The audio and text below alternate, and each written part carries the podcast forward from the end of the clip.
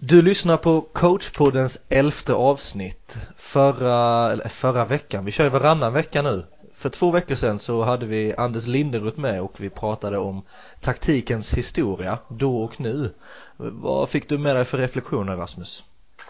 Att fotbollen har förändrats eh, avsevärt under de eh, åren Anders Linderoth har varit i, eh, i farten. Jag tycker det är grymt intressant med den historiska aspekten också att att man hade helt annorlunda sätt att spela fotboll.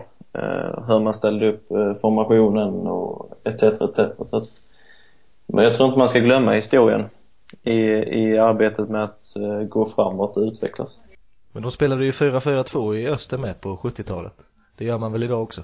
Ja, men jag tänkte mer, mer innan det också till och med när man, när man pratar om eh, halvbackar och allt vad det heter. Ja, det, det är ett intressant perspektiv. Helt klart. Själv då? Jo då. Kände du att du lärde dig någonting? Eller? Ja, men jag tänkte väl att mycket går i cyklar. Eh, mm. Att alltså, man har mode kan man väl också säga. Eh, nu har det väl varit lite inne efter Sveriges U21-landslags eh, bragd att man ska gå tillbaka till att jobba för varandra i ett kompakt 4-4-2 och fokusera på försvarsspel och utnyttja varandras styrkor kan man väl säga. Mm. Mm.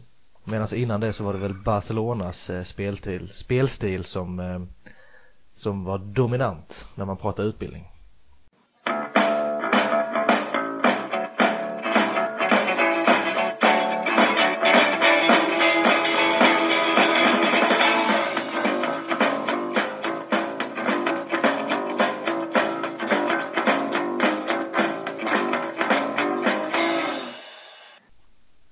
Men eh, med den inledningen så eh, får vi ju berätta vad vi ska göra idag. Vad är tanken Rasmus? Idag har vi två gäster med oss faktiskt. Det är väl eh, ja, andra gången vi har det. Vi hade någon gång i säsong, säsong ett också. Där vi ska prata lite om vad en god träningsmiljö är.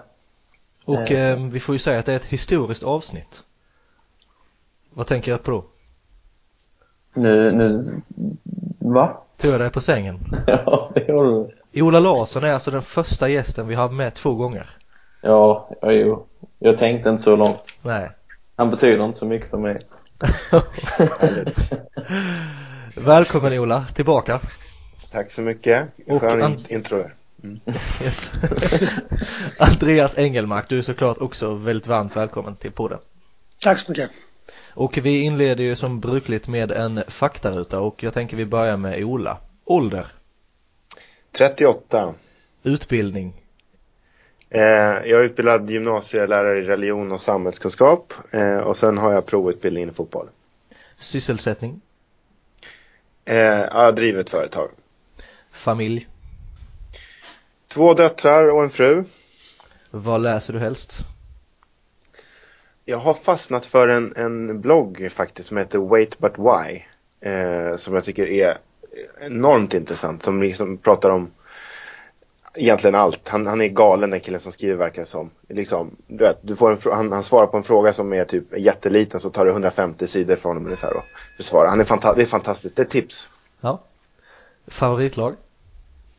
Nej men Brommapojkarna. Yes, då tackar vi för den faktarutan. Eh, Andreas, då kör vi. Yes. Ålder? 32.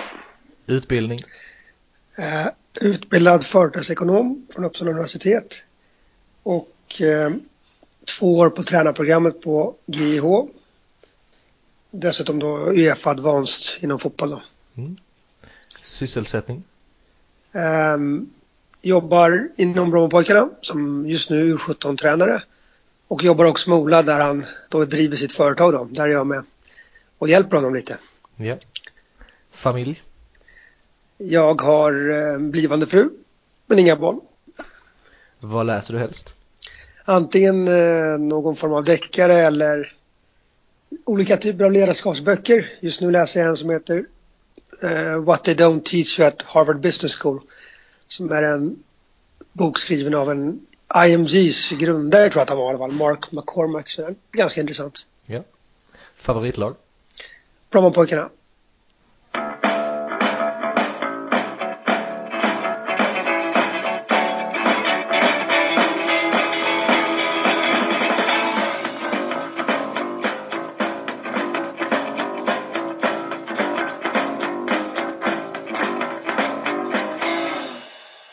Välkommen tillbaka. Du lyssnar ju på coachpoddens elfte avsnitt och vi har Ola Larsson och Andreas Engelsma Engelmark förlåt, som gäster.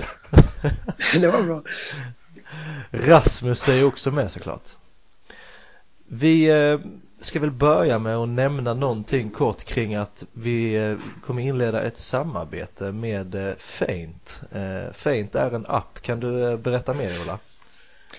Ja, nej, men det är ju den produkt som vi har tagit fram då som egentligen riktar sig mot ungdomstränare. Det är ett pedagogiskt verktyg för ungdomstränare i fotboll. Eh, och eh, vi är ju i en utbildnings eller utvecklingsfas av den där appen så den är absolut inte färdig. Eh, och samma sak gäller namnet, den ska inte heta Faint. Så att under våren här och under sommaren så skulle vi gärna vilja ha hjälp med att se till att den här blir så bra som möjligt. Och riktar oss till alla coachpoddens lyssnare att komma med så mycket feedback som möjligt. Ladda ner den från App Store så fort som möjligt och hjälp oss att göra det här till det verktyg som vi vill att det ska vara. Och vårt inledda samarbete det innebär ju egentligen att vi kommer dela varandra och vi kommer hjälpa varandra när det gäller sådana här grejer att nå ut till eh, dels våra lyssnare men också till eh, Faint eller till appens eh, användare också. Att få lite tips och så vidare. Exakt så. Och eh, vi kommer också ha med Andreas och Ola eh, någorlunda regelbundet när det finns tid i, i vår podcast och prata om olika ämnen kring eh, ungdomsfotboll. Stämmer bra det. Och dagens ämne, förlåt jag avbröt dig Andreas. Ja, det var inget, inget. Dagens ämne är alltså vad en god träningsmiljö är som Rasmus eh, nämnde tidigare och vad säger vi om det Ola och Andreas? Ja, alltså det här är ju enormt intressant ämne tycker jag på grund av att eh, prata väldigt mycket om teknik och taktik och, och fysik och hur, hur vi ska träna och så men det är nog minst lika viktigt om hur, vilken miljö vi bedriver träningen i. Eh, och jag tycker att det kanske, i alla fall där, där, i den miljö som jag är, så pratar vi inte lika mycket om just det här. Ja, någonstans är det ju en förutsättning för att kunna lära ut de andra bitarna så att säga. Eh, någonstans måste vi börja med den miljön och kulturen vi bygger upp i, i gruppen, inom gruppen och, och sen kan vi börja prata om att lära ut eh, tekniska, taktiska detaljer. Vad är, ja, och... en, eh, vad är en träningsmiljö? Nej men exakt, det, det är ju en, det är en bra fråga och, och mitt, våra, eller vårat svar så vi är liksom så här, kommer bli enormt långt här. Eh, och vi får väl hjälpas åt att hålla det så intressant som möjligt om det går här. Men, men egentligen så, en uppfattning som jag har eh, det är att, att eh, just nu så hjälper jag en kille i, i Hammarby, deras U13 eh, och tittar lite på hur han funkar som, som tränare. Och det är ju enormt kul.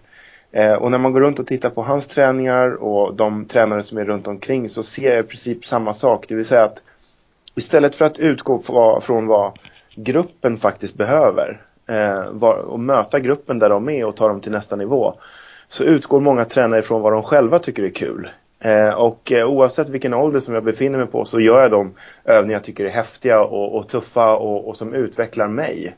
Eh, och jag använder ett språk som utvecklar mig som tränare. Jag tycker att det fokuset eh, är, ligger väldigt långt ifrån en, en bra träningsmiljö.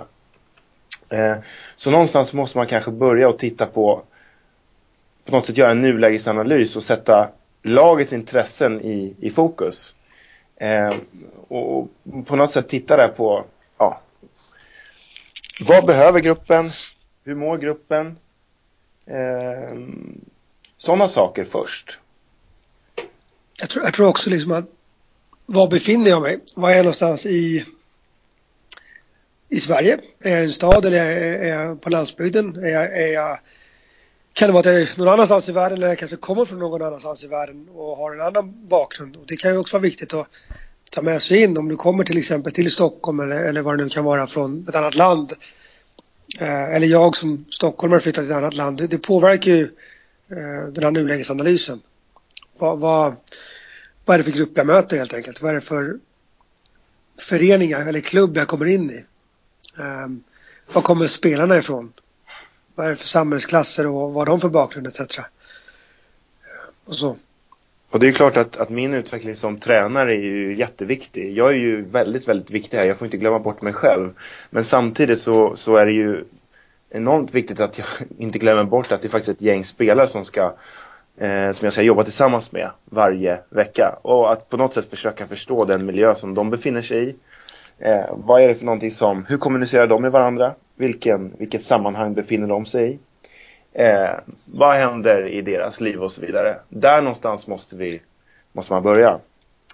Eh, och eh, när, man, när man har börjat där så, så kan det vara bra liksom att börja sätta lite regler för, för den här gruppen. Och då, då är frågan att prata om regler är klart att, att det låter inte så kul. Eh, det kanske är mer om att skapa ett ramverk för gruppen och att man verkligen får med sig gruppen att skapa det här ramverket. Eh, och det kan ju röra sig från att, att, gruppen bestämmer sig för att vi ska inte ha några regler i det här laget. Eh, det, kan, det, är också en överenskommelse. Eller så är det så att man sätter sjukt mycket regler. Någonstans där mittemellan är väl trevligt att befinna sig. Liksom. Ja, någonstans försöka få med sig, som, som Ola är inne på, få med sig gruppen i det här också. Att det inte bara handlar om att jag som tränare säger att nu gör vi så här. Utan skapa ett ramverk som alla känner sig eh, nöjda med. Eller alla känner sig nöjda med, men som, som, som på något sätt är en överenskommelse i alla fall. Mellan spelare och ledare. Eh, det blir också lättare tror jag om, om, om gruppen på något sätt är med och eh, resonerar kring det här. Att sen faktiskt eh, få ut det och faktiskt få det att det verkligen blir så i verkligheten. Mm. Jag tänkte lite på eh, nulägesanalysen, om vi kan göra mm. den lite mer konkret. Vad skulle kunna innehålla, du nämnde lite tränarperspektiv eh, och vad spelare kommer ifrån, men hur skulle man ja. konkret kunna göra en nulägesanalys i ett lag? Man skulle ju absolut, alltså, nu har vi pratat vi mest om på, på, på personnivå. Um, sen går det ju också att diskutera, man kan ju helt enkelt göra någon form av analys även på vad har vi för styrkor här, vad har vi för svagheter. Um, och vad, vad, är det som är syftet med den verksamheten vi är i? Mm. Vad, vissa verksamheter är ju mer en social verksamhet, vissa verksamheter är ju mer för att kanske då um, förbereda oss för elitfotbollen. Uh, det tycker jag är några viktiga punkter att veta var, var du befinner dig någonstans. Sen kan det ju också vara det att hur mår gruppen i dagsläget? Alltså vad har, vad har spelarna, eller förlåt, vad har de kanske haft för träning etc. tidigare? Hur har det gått även resultatmässigt? kan vara en viktig faktor. Ehm, um, beroende på hur bra grupp, alltså till exempel jag själv nu kommit in i U17 mitt i säsongen i Brommapojkarna. Och där behöver jag ju då se kanske vad som har hänt, vad har de tränat på etc. under senaste månaderna då, eftersom jag kom in till första seriematchen egentligen rätt så snabbt att försöka analys på, på vad vi behöver göra för att kunna få fart på, på verksamheten och få, få, med oss, eh, få med oss gruppen helt enkelt. Mm. Jag vet inte om det var konkret eller inte men Jag tycker det, där har man ett verktyg i en SWOT-analys då kanske? Ja, mer eller mindre alltså, mer ja. eller mindre är vi där och skulle jag säga och eh, vi närmar oss någon form av SWOT-analys, absolut. Mm, mm. Ja, hur tar vi det vidare därifrån? Nej, alltså det är väl... Sen, sen måste man ju då... Eh, man, man, måste väl på något sätt förankra det här hos föräldrarna också. Eh, alltså föräldrarna ju, finns ju där. Liksom. Och eh, att då eh, kalla till ett föräldramöte och eh, berätta liksom att nu har vi tänkt att göra så här, det här har vi kommit överens om, här är vi, hit ska vi. Eh, och så vidare. Så att man får med sig föräldrarna på det här och faktiskt förklarar att det här är något som kommer från spelarna. Det är ett ganska bra sätt att sälja in det här på. Sen efter det så tror jag eh, att man ska låta föräldrarna eh, vara. Det är klart att vi ska morsa på föräldrar och så vidare framöver. Men de kan hänga där vid sidan av träningen och helst inte komma på träningen. Eh, och eh, jag tycker man kan säga det på ett föräldramöte också. Att för att vi ska skapa en så bra miljö här för, för era söner eller döttrar så tror vi att det är bäst att ni inte kommer på träningen. Eh, för att ni, eh, många gånger så, så bidrar inte eh, föräldrarnas närvaro till en positiv träningsmiljö. Eh, och eh, där finns det ju, om vi, när vi väl är inne på föräldrarna så är det så att att eh, när föräldrarna är närvarande på träning till exempel så är det ju ofta så att de är inne och coachar och säger en massa saker till sina spelare eller sina barn då eh, under träningen det kan vara att de, de kan säga negativa saker, de kan säga positiva saker eller helt eh, saker och ting som saknar betydelse överhuvudtaget. Eh, där tror jag att det är viktigt att man som eh, tränare då under träningen tar det här i beaktande och faktiskt berättar för föräldrarna under träningen, alltså direkt feedback på vi har ju kommit överens om att det är jag som är tränare och tar hand om det här laget under träningarna. Om ni håller på, eller om du håller på på det här sättet under träningen så kan inte du komma hit överhuvudtaget framöver. Eh, det där är en del av en bra träningsmiljö. Men Ola, eh, förlåt att jag avbryter här. Eh, men jag tänker, är det ett utbrett problem att föräldrar är på träning? Jag tänker, för, för om jag reflekterar i den verksamhet jag är i så är det väldigt sällan jag ser föräldrar stå vid sidan om på träning, utan det är i så fall mer under matchsituationer. Är det annorlunda uppe i Stockholm, tänker jag? Är det fler föräldrar som är där och, och lägger sig i? Ja, alltså det här kan ju vara, det är klart att, att eh, jag tycker att, att eh, nu, just nu är jag i Hammarby och Tumba och jobbar eh, lite grann extra sådär och, och i, i, båda de föreningarna som befinner sig på två helt olika nivåer är det föräldrar som står som klungor runt, runt träningarna. Eh, mm. och och eh, jag tror inte riktigt på det. Jag skulle helst vilja liksom att de hängde någon annanstans. På ett fik i närheten eller någonting sånt där. Du vet, där kan de sitta och snacka och, och, och ljuga liksom. Um, men just det här under träningen, om deras son eller dotter blir skadad och de kommer inspringande från du vet, de står uppe i skogen så kommer de nerspringande in i, på planen och ska ta hand om sin son. Du vet, jag blir helt tokig på sånt där alltså. Helt tokig. Det blir svåra, reflektionen från min sida det blir svårare för ledarna att få det här förtroendet från eh, barnet eller ungdomen där just i det läget att när föräldrarna ändå är nära så, så kan man inte lita helt och hållet på tränaren kanske för att ja, föräldrarna är alltid där och ställer upp istället. Så jag är Exakt helt så. inne på din linje. Eh, att just att låt ledaren vara ledare och, och se till att och ha fullt förtroende för honom istället, eller henne eh, istället för att liksom störa och störa. Ja, och sen det här suckandet och kommenterandet på sidan. Och, eh, där spelar det ju ingen roll vilken, vilket språk man har de här, det här suckandet på eller kommenterandet på. Eh, jag märker ju vilken, vilken, eh, vilken typ av eh, resultat det får hos spelaren. Liksom. Och många gånger så är det ju supernegativt. Mm. Eh, och jag tror också att det är bra för spelarna att börja lära sig. Så här, föräldrarna säger ofta att vi, min son eller dotter presterar bara om jag är närvarande på träningen eller match. Du vet. Men, men då är det väl läge att kanske börja titta på att börja prestera utan sina föräldrar. Att träna på en mm. sån miljö för att eh, eh, det är ju faktiskt inte hållbart. det fattar Men okej. Okay. Ja, det är ganska självklart det vi var inne på förut, vad som nästa steg är, det som jag tror man kanske behöver göra i samband med det här med ramverk, föräldrar och, och någonstans också vad finns det för förväntningar på, på, eh, på oss som grupp och eh, på, på, spelarna som individer. Eh, och var, varför finns laget eller klubben till om man säger så. Då. Vi, vi, som i mitt fall i Brommapojkarna så är det ju vi försöker ju få fram spelare som ska kunna lira på, på elitnivå. Och då blir ju, det förväntas ju av, av, av oss som organisation om vi säger så då. Och eh, därmed så kommer ju då jag som tränare tillsammans med de övriga ledarna och förhoppningsvis också spelarna emellan kommer också kraven bli därefter om man säger så. Det går ju att ställa eh, olika höga krav vet vi alla om och, och vi kommer ju inte nöja oss förrän vi då kommer till en nivå som som är tillräckligt bra för, för eh, en elitnivå. Ja, och är det inte intressant liksom om det är så att man, att man får att kravsättningen kommer från spelarna själva? Eh, det vill säga att vi har en sån miljö att, att spelarna själva är med och sätter kravnivån. Och där, där har jag haft förmånen att vi vid några tillfällen varit del av en sån grupp där det faktiskt har funkat på ett bra sätt. Eh, vid ett tillfälle så var vi vid en turnering i Hongkong och spelade med, med vårt lag födda 1990. Det var en sån här sommar, som, det var mitt i sommaren i Hongkong. Jag, vet inte, jag, jag, ofta brukar överdriva om temperatur och så vidare. Men det var typ 35 grader och det kändes som att man var i en bastu. Det, det, det kändes som att man var ute och att det regnade fast det regnade inte. Eh, och där skulle vi spela fotboll mitt på dagen. Och då så sa vi så här, eh, att låt oss förbereda grabbarna på att ta i i den här hettan.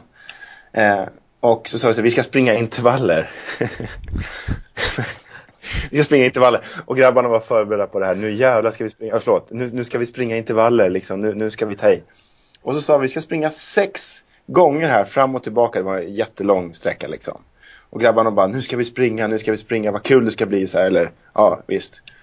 Och så avbröt vi efter en intervall. Och grabbarna blev helt tokiga. Alltså de blir helt galna liksom. Vad är det här? Lurar ni oss? Vi är här nere nu i Hongkong liksom så här, säger lagkaptenen Joakim Caspier, en fantastisk människa liksom så här. Vi är här nere här i Hongkong, vi är här nere för att vi vill göra vårt bästa och prestera. Vi tänker inte bara springa en gång. Har vi förberett oss för att springa sex gånger, då ska vi göra det. Jaha, då gjorde de det.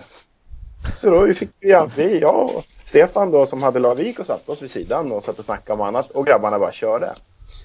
Det, ett, ett, det var ett fantastiskt tillfälle eh, som jag liksom kommer inte glömma det. Liksom, och, samma sak med en annan eh, spelare eh, som både Andreas, eh, som Andreas har tränat också, som heter Ludvig Augustinsson som är en, en, en maka, makalös människa liksom som Fyller år idag också, 22 år gammal. Ja, fyller år idag ja, helt riktigt. Nej men han är en sån person som, som skapar, han är med och skapar miljön i gruppen. Och sätter krav på de andra och sig själv. Och i och med att han har så höga krav på sig själv så blir kraven på alla andra runt omkring därefter. Och även på mig som tränare självklart va. eh, och, eh, han var en sån som, när vi var ute och sprang innan våra träningar, eh, det var någon brottarträning vi hade. Då sprang vi i så här parker i Stockholm. Och då är det asfalterat liksom så här. Och så när man spränger, springer, man ska svänga i de här parkvägarna så kan man ju snedda över gräs, gräset. Så, så funkar ju en vanlig människa. Mm. Liksom att man, man kanske sneddar åtminstone en halv meter någon gång. Men i och med att Ludde var en sån här människa som aldrig skulle fuska i hela sitt liv. Så han trippar ju på asfalten alltid runt omkring. Liksom så där. Aldrig inne på gräset. Vilket gjorde att ingen i laget gjorde det. Mm. Och en dag så var det liksom så här att eh, jag sprang ju alltid med och jag sprang längst fram och grabbarna låg ju i bakhasorna liksom och bara tryckte på och ville att vi skulle springa snabbare. Men jag fick hålla nere där för vi skulle ha träning efteråt. Och sen så säger Ludde då vid ett tillfälle, du Ola, idag så ska vi springa intervaller innan träningen. Varför det? Liksom så här, vi, vi ska ju ha brottningsträning här nu. Nej, men jag tycker att vi ska, vi måste nog steppa upp lite. Jaha, ja, då skulle vi springa intervaller i en backe. Liksom sådär. Och då körde hela laget där. Ja. Och sen fortsatte vi med det. Och det är klart att här får man väl hitta en, en, en medelväg och bromsa ibland om spelarna trycker på för mycket. Mm. Men det är ändå en underbar känsla eh, som, som tränare när man får sin grupp att faktiskt trycka det här framåt. Jag tycker det är jätteroligt. Jag tror du är också inne på en intressant grej Ola. Liksom, vad, vilka är förebilderna i gruppen? Är, är det en Ludvig Augustinsson eller är det en en kille som kanske har hög status av andra anledningar än sitt, eh, sin disciplin och, liksom, och sitt hårda arbete och sin vilja att utvecklas. Det där tror jag är väldigt viktigt. Jag tror att eh, ett par gånger så har jag kanske tagit över en grupp då som, som där det kanske varit lite hierarkier som inte har varit gynnande för hela gruppen. Fel personer har varit förebilder. Och jag tror det är väldigt viktigt att, eh, att, eh, som tränare eh, erkänna de, de bra sakerna och liksom på något sätt se att eh, ja, det som nu då Ludde i det här fallet gjorde, det är det, det, är det vi ska följa och inte, inte ja, det ska, det ska ge status att göra saker rätt och inte tvärtom. Mm. Alltså rätt inom citationstecken såklart. Det är inte, det är inte töntigt att vara fotbollsspelare. När jag växte upp så, så eh, vågade inte jag alltid säga att jag hade varit ute och tränat extra eller jag vågade inte alltid säga vad jag hade gjort utan jag, jag smög lite med min fotbollssatsning liksom sådär. För att det var inte riktigt accepterat. Alltså man skulle ju hänga på gården eller man skulle gå ut på helgerna och, och liksom ja, hänga med polarna och göra sånt. Men jag vill ju spela fotboll va.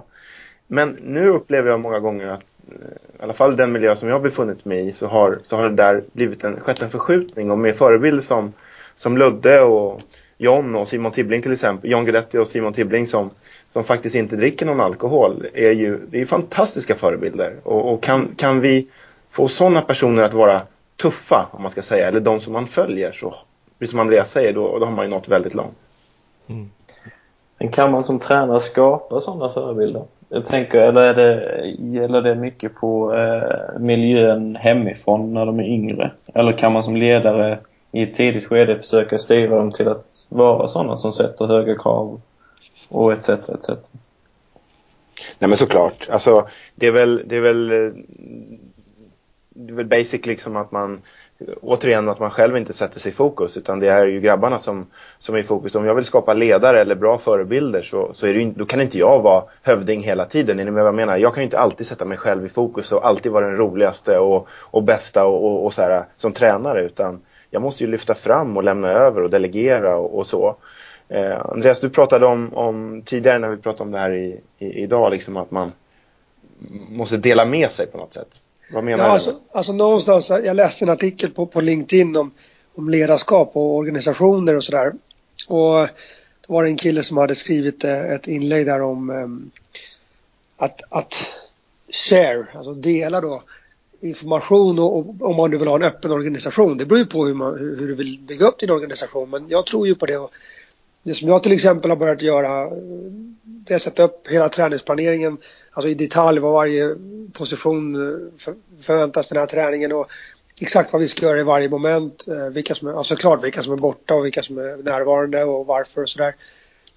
Eh, och också sätta upp då när vi har matchen sätter upp hela matchgenomgången på väggen och går igenom det muntligt. Men på något sätt att dela med mig, det, det ska vara transparent och sen även efteråt då kunna, kunna eh, skriva mina reflektioner och sen nästa steg skulle vara spännande om spelarna fick lägga till sina reflektioner också där.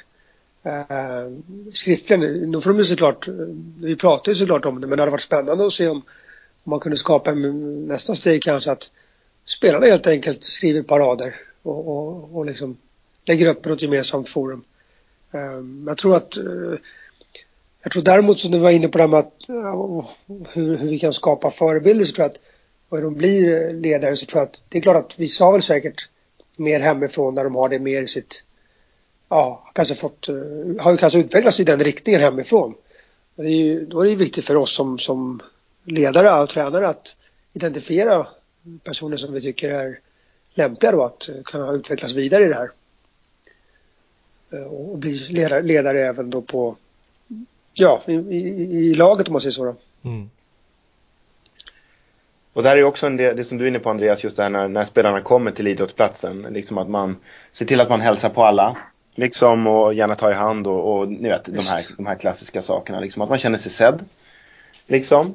Ehm, och, och där är också en, en, annan grej som är, är kul där. Det är ju ehm, just det här att man, man kanske har en miljö kring träningen som inbjuder till extra träning eller att man, man faktiskt vill, man vill komma till träningsanläggningen. Så att Eh, Eh, ett exempel skulle kunna vara att man, man har möjlighet som spelare att, att eh, komma åt styrketräningslokalen eh, två timmar innan eller att man, har, man bjuder på mellanmål eller man, man, har en, man ser till att man har såna här små ytor där man kan spela tre mot tre eller man har, man har köpt mål som, som gör att vet, det är nästan omöjligt att säga nej till att spela fotboll extra innan träningen.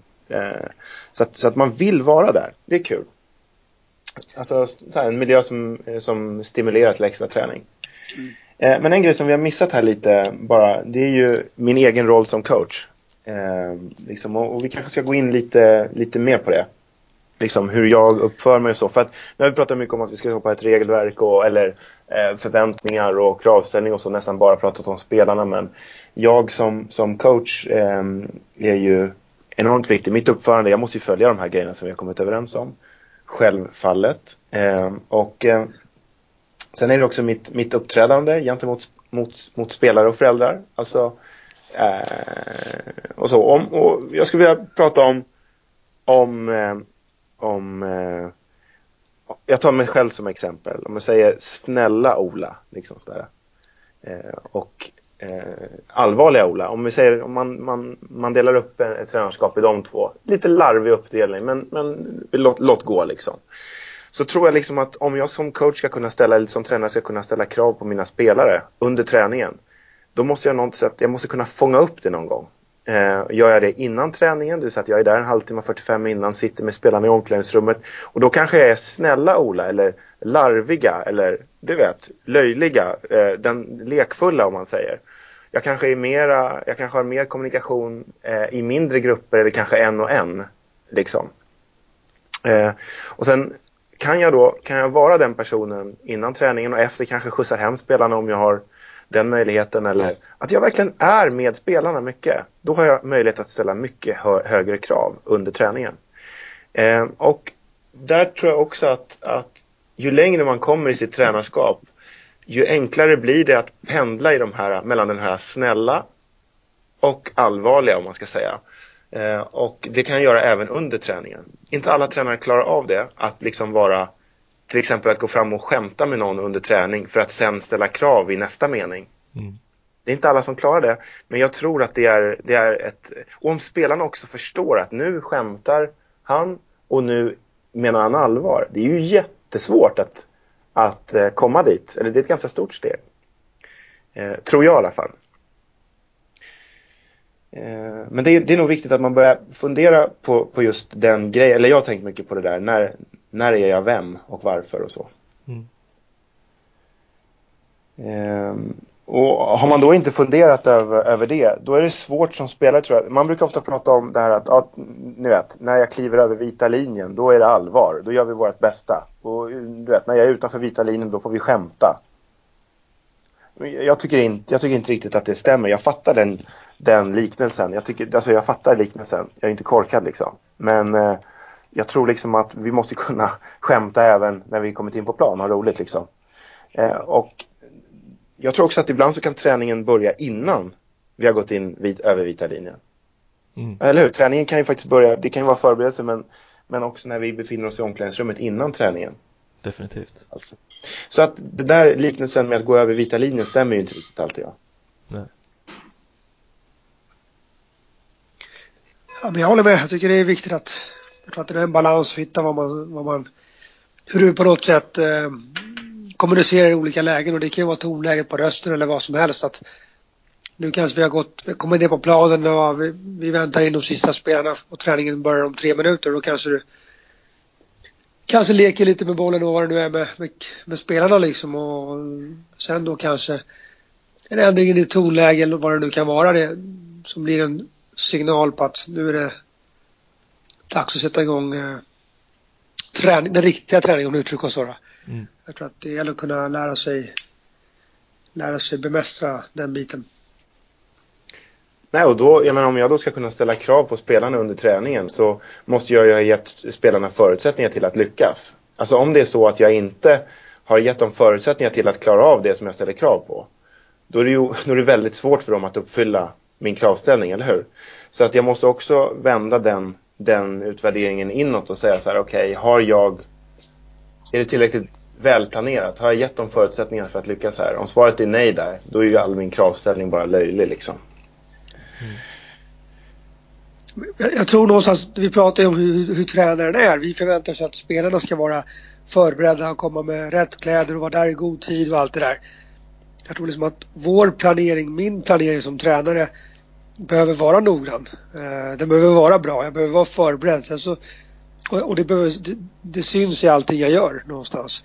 Givetvis så behöver jag kanske vara flexibel ifall någonting händer va? men, men eh, jag, ska, jag ska gå igenom träningen i huvudet ett par vändor tycker, tycker jag då, innan jag går ut på planen och jag har förberett alla detaljer, vilka spelare som ska göra vad genom hela träningen.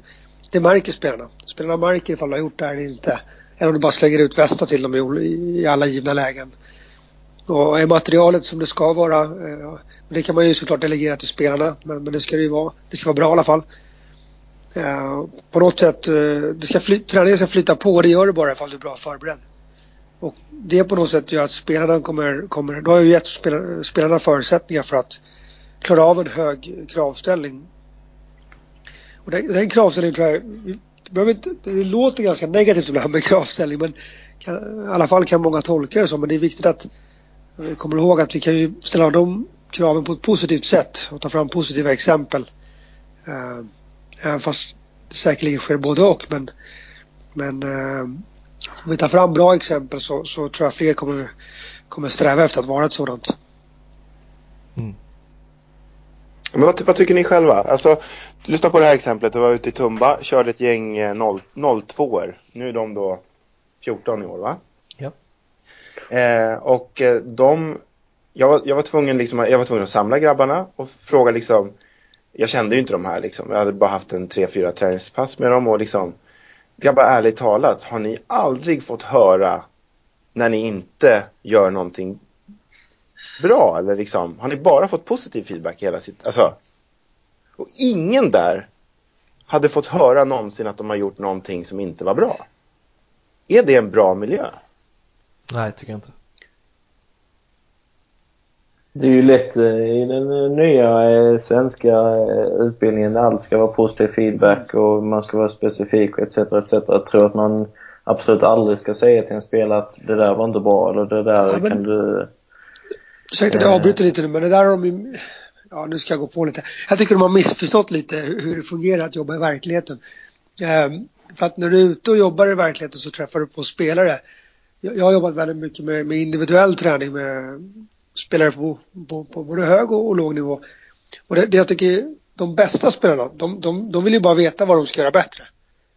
De, mm. Det är såklart att jag, jag ger dem beröm när de gör så, bra, så, bra saker men, men jag menar, att stå och vänta tills de gör någonting bra, ja visst, men jag kan ju också säga så att om du gör det här, och du tänker på de här bitarna också, då kommer det bli så här bra.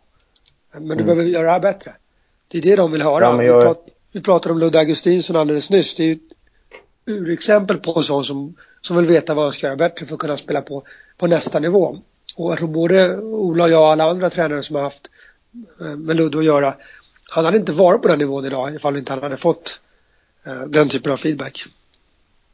Tror inte jag i alla fall. Jag håller med helt, eh, helt och hållet är just det att jag tror att många tränare som går utbildningen idag tänker att nej, men det är fult och, och liksom ge, ge att det här var inte bra, du gör så här istället. Utan som du säger, man väntar hellre till att det händer något bra och sen så är man på och ger positiv feedback. Men det beror på vad man gör också, eller hur du som tränare ger den feedbacken. Ja, just. Om, om, du skriker att han är skitdålig för att han gör något dåligt liksom, ja, eller att man ger konstruktiv feedback. Fundera på detta Exakt. så kommer du få ett bättre utförande liksom. Mm. Det är såklart men, det finns eh, en variation i det hur ja, man gör det också. När jag gick i Advanced så fick jag lärt att man absolut inte fick göra så. Uh, och ja, jag vet inte. Det, men alltså, det, börjar röra sig åt en, det börjar röra sig åt ett håll liksom att, att jag ska berömma min dotter för att hon vaknar på morgonen. Så här, Bra gjort! Bra, du vaknar på morgonen. Men herregud, det är ingen prestation. Du har inte gjort någonting. Hon har bara öppnat ögonen och det sker helt naturligt. Så att det är inte en, en, bra prestation där måste vi nog börja fundera liksom över vad som är bra och vad som inte är bra. Mm. och, och det, det, är också, man, jag, jag, vill bara berätta en, en, en, en jag, jag, älskar den här historien med Ludde, du kan den också Andreas, just det här att han spelar sin första match med FC Köpenhamn. Ja. Och de har en tränare där som heter Ståle eh, Solbacken va? Ja. Mm. Eh, så i, i, in, innan matchen eh, så sitter de i omklädningsrummet, självklart, de är på väg ut. Och så inför hela gruppen så säger Ståle till Ludde inför hela gruppen så här. Ludde, nu har föreningen köpt dig för jättemycket pengar. Vi förväntar oss enorma prestationer från dig. Vi förväntar oss att du ska vara bäst här idag. Första matchen. Och då kan man ju tänka sig så här, och då, då, ska han gå ut, jag vet inte hur mycket folk det är på parken, men det är väl rätt mycket liksom så. Eh, och jag, vad är han, 20 bast eller någonting sånt. Då kan man väl tänka sig så här att oj, en, en människa här som inte är van vid kravställning eh, skulle ju vara helt knäckt i en sån här situation. Mm. Skulle inte kunna ställa sig på benen och gå ut. Det skulle inte funka. Nej. Men hur tänker Ludde? Han bara, men det här, jag, det här är jag van med sedan jag var liten. Det här är mitt liv, så här ser mitt liv ut. Mm. Nu ska jag gå ut och visa honom. Och går ut en av de bästa i laget. Kommer tillbaka in i omklädningsrummet efteråt och Ståhle säger Grabbar, såg ni Ludde? Fantastiskt, så exakt så där vill jag att ni ska reagera. Så där ska ni vara. Och jag tror liksom att vi, vi, vi befinner oss ju självklart på olika nivåer, så är det ju. Liksom. Men på något sätt måste vi förbereda spelarna för den verkligheten som finns. Eller den verklighet som de kommer befinna sig i. Det är inte en prestation att vakna på morgonen. Kanske för några. Men för så är det ingen prestation. Nej. Sen så är det såklart om man vill prata om miljö, vi vill ju ändå ha en positiv miljö, men jag tycker att att hjälpa spelare att bli bättre och, och, och ge dem tips för att bli bättre. Eh, det tycker jag, det är mitt jobb någonstans. Eh, och, och, och, men jag menar, det ska ju om du, vet, om du är mer medveten om vad du, vad, du, vad du kan och inte kan och hur du gör det och hur du gör saker bättre ifall du misslyckas någon gång och du själv kan coacha dig själv som spelare då, då eh, kanske du bara gör misstaget en gång istället för många gånger. Eh, men det är svårt ibland tror jag, eh, min upplevelse med, med spelare är svårt ibland att komma på allting själv, vad jag gör bra och inte bra. Ibland behöver du guidning av någon tränare. Mm. Eller en lagkompis. Och, det måste ju och det tror jag skapar, ja, någon, det måste ju tillföra något enormt tror jag om du, om du får en korrigerande feedback, eh, ja men gör så här så kommer det bli bättre. Och sen att man lyckas med det. Precis. Och att få känna själv då, eh, intrins, intrinsic feedback tror jag man kallar det. Att få känna själv, att uppleva det själv i kroppen, att man lyckades. Ja, just. Det ger den största effekten. Det, för det tror jag skapar ett självförtroende, för jag vet att när jag gör fel så kan jag rätta till det. Ja. Det skapar att jag, att jag vill försöka även fast det kanske är svåra grejer jag gör. Och, och det skapar, det tredje vi skrev där, där Ola innan idag, det skapar en glädje för att jag känner att jag, att jag, jag faktiskt, som du säger, jag har lyckats med saker Mm. som, som jag har blivit liksom guidad till att göra bättre.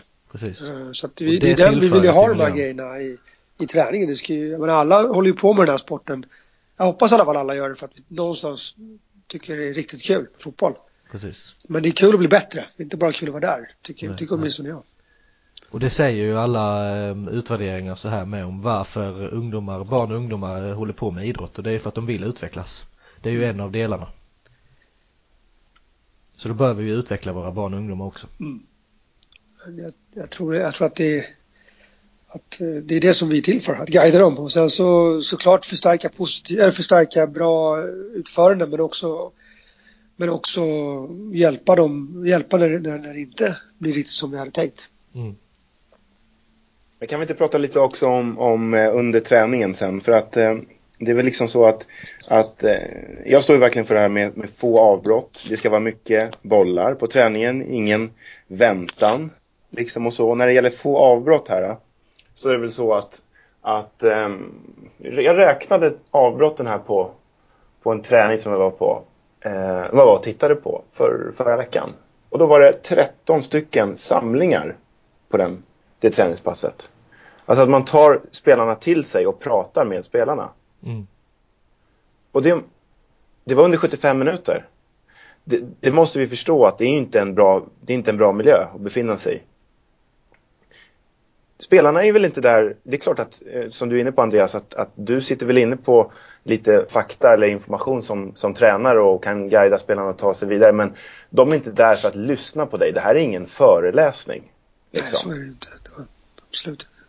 Vi är där för att träna och, och, när man då, och sen också de här samlingarna många gånger upplever jag att det är så här Vad tycker ni grabbar? Hur funkar det här? Vad tycker ni? Varför gjorde du så? Liksom så här. Och det tar sån tid. Mm. Alltså, jag, det är nästan så att okej, hur många samlingar ska man ha under 75 minuter? Det får man fundera på. Men så här tre, fyra stycken. Eh, Mer än så känns ju sjukt onödigt. Och när man samlar spelarna måste de verkligen komma till en. Kan de inte stanna ute? Och är det så att all, all feedback måste ske eh, i samlingsform för hela laget. Om jag är stark, alltså en och en och pratar med spelarna en mot en, eller en mot en låter ju löjligt, men en och en, ni fattar vad jag menar. Ja. Då kanske jag ska försöka sätta mig i de situationerna så ofta som möjligt och ta spelarna till mig och prata med dem eh, enskilt under träningen medan de andra fortsätter att träna. Så att eh, det där med antalet samlingar eh, återigen, jag menar, och vad säger man för någonting som coach där? Det är ju återigen det där att har man verkligen så mycket att förmedla så att man behöver 13 samlingar? Nej. Men det, det intressanta här med tycker jag är om man ska ge hur mycket kollektiv feedback man ger jämfört med den individuella. Jag tänker att effekten av den individuella feedbacken måste ju vara så mycket större. Jag menar som du säger då, ja men bra jobbat säger man kanske till hela gruppen. Men det istället för att man har en korrigerande feedback och sen kanske berömmer det man har försökt korrigera till den individuella spelaren. Mm. Där gäller det ju som tränare att bli skicklig på det som du säger också. Jag tror, jag tror första steget är liksom om du, vill bli bra på att ge individuell feedback.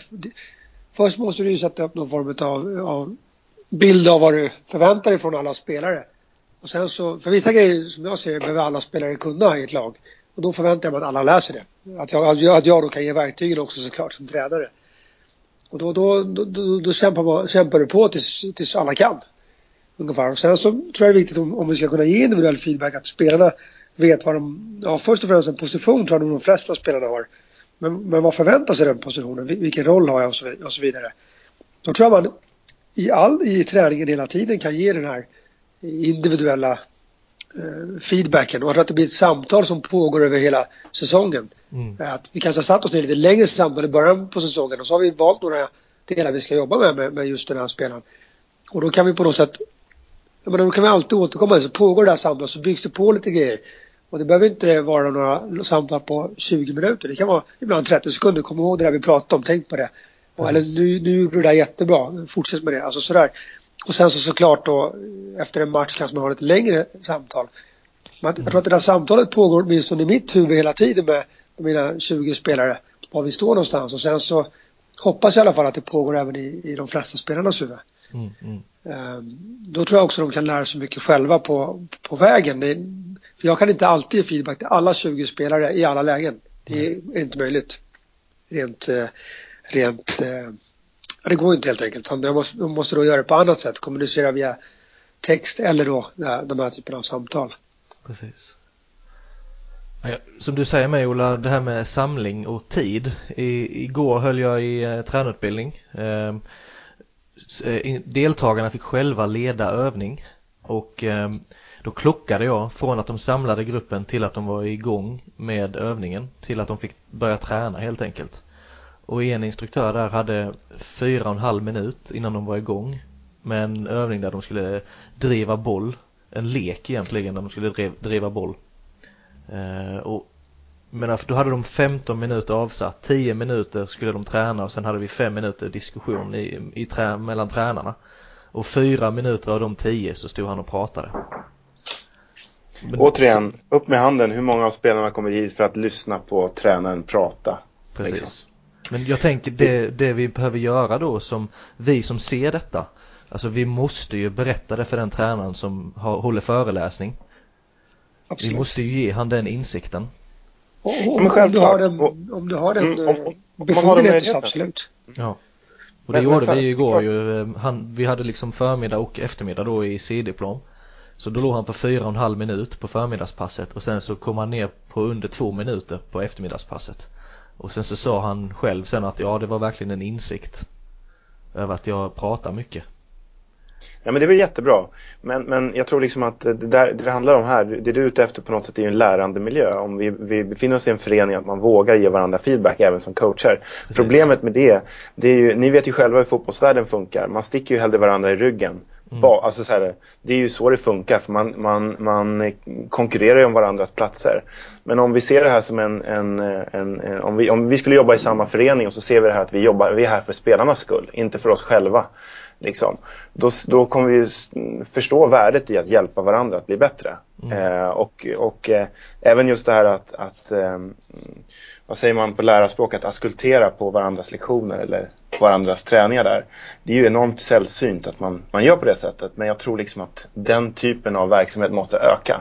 Eh, och att man faktiskt inte skrattar åt varandras feedback och så här, du kan ju ingenting. Hur, eller hur vågar du ge mig den feedbacken? Vem tror du att du är? Och så här, fasen fotbollen måste börja lära sig förstå att om jag, får, alltså, jag, om jag som tränare ger feedback till mina spelare, det är ju självklart att jag ska göra. Mm. Då måste det vara självklart att jag skulle kunna ta emot feedback av andra också. Givetvis. Men riktigt så funkar ju inte en tränare i tränarhuvud. Nej, Jättekonstigt fotbollen alltså. Ja.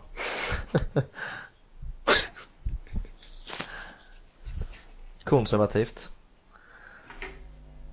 Kanske det. Slitet uttryck. Ja. Jag tror att den där miljön är någonstans upp till sportchef, akademichef att, att skapa strukturer för tror jag. Så att det blir precis som det är för en tränare att skapa det för, inom ett lag där vi gärna vill att killarna ska kunna ge feedback till varandra och, och, och hjälpa varandra ute på planen och även i träning med detaljer. Men, men givetvis eh, i en match vill ju alla ha Eh, liksom, de här ledarna som det ofta pratas om som kan styra och ställa och den här högra handen. Men om man säger då på för då, men det är ju vi, jag som tränare som får hjälpa till att skapa den miljön i, i min grupp. Men det är ju samma sak här då. En sportchef eller akademichef behöver ju på något sätt tror jag försöka skapa den här miljön i sin tränarstab om, om, om vi säger så. Då, där det blir normalt att kunna ha samtal om, om, om, vad alla kan bli bättre på helt enkelt. Mm. Eh, Ja, men- jag tror men att det är ganska det- ovanligt idag att det är så. Ja, jag tror också. Men kan man inte göra så här, låt oss säga att man befinner sig i en annan verksamhet där man inte har en uttalad sportchef eller akademichef. Mm. Då skulle man väl kunna gå ihop en grupp tränare som, som driver varandra. Eh, Absolut. Och sen just det här att man påpekar också för varandra vad vi pratar om när vi samlas. För att det är så lätt att man glider in på att prata om föräldrar eller korkade spelare eller så här. Och, och så. Och istället för att prata om utveckling liksom. Så att, eh, ja. Ja, jag, jag tror att många samtal jag tror man skulle egentligen behöva en sån där eh, stund mellan tränare där man får prata av sig de här grejerna. Men sen att de möten som, som finns och, och så, det, det, det, det ska prata, då ska vi prata spelarutveckling då helt enkelt. Men eh, mm, jag Men det är vet klart man behöver alla... så här mental papperskorg. Precis. Så är det ju liksom så här. Men det, det, det behöver man väl inte göra hela tiden. Och Nej, precis, menar, precis. Hur många gånger hör man inte samma story från en och samma coach eller tränare? De liksom berättar det för alla. Det är ju tröttsamt. Mycket. Använd din mentala papperskorg. Den står där borta. Det är han som står där i hörnet.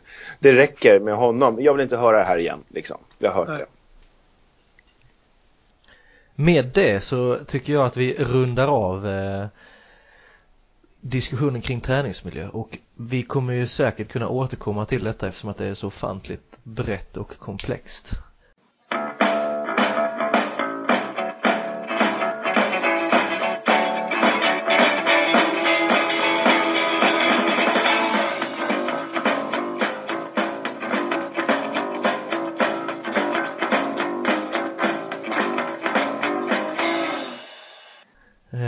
Rasmus, vi har ju en avslutande del där vi har fem snabba och eftersom att vi har två gäster idag så får ni fem olika var.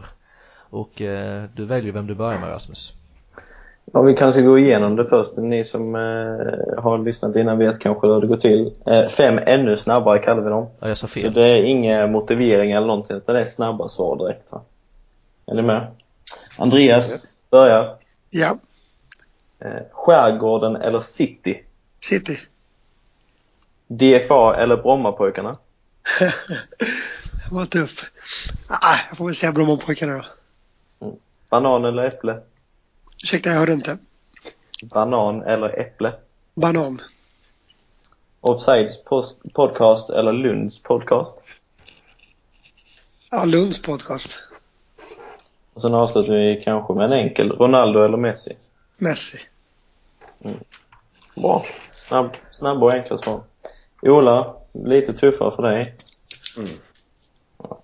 Eh, pubkväll eller fredagsmys? Ja, men.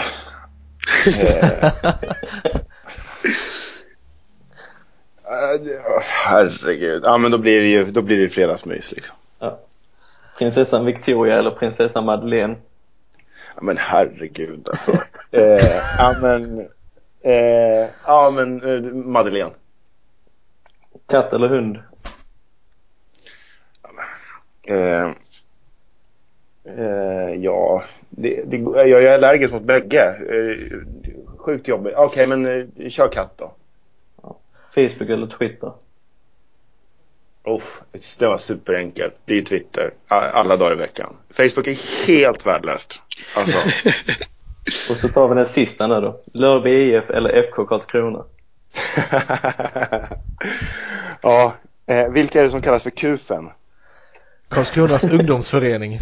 Okej, ja, inte dem. Eh, då tar jag, tar jag Lörby där.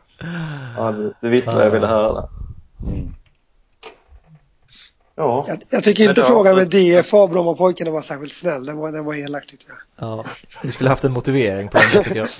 Ja, men, vi kan ta det nu efteråt om du vill Andreas. ja, nej, nej. Jag har väl ingen större motivering. Men, men DFA kommer från Brommapojkarna. Så utan Brommapojkarna hade DFA inte funnits. Så att vi får, därför får vi säga Snygg, snygg Brommapojkarna. räddning. Ja, men det stämmer. Med det så tackar vi Ola och Andreas för ert deltagande i coachpoddens elfte avsnitt och eh, jag hoppas ni lyssnare har eh, tyckt att det varit intressant. Det tyckte vi nämligen. Vi hörs om två veckor.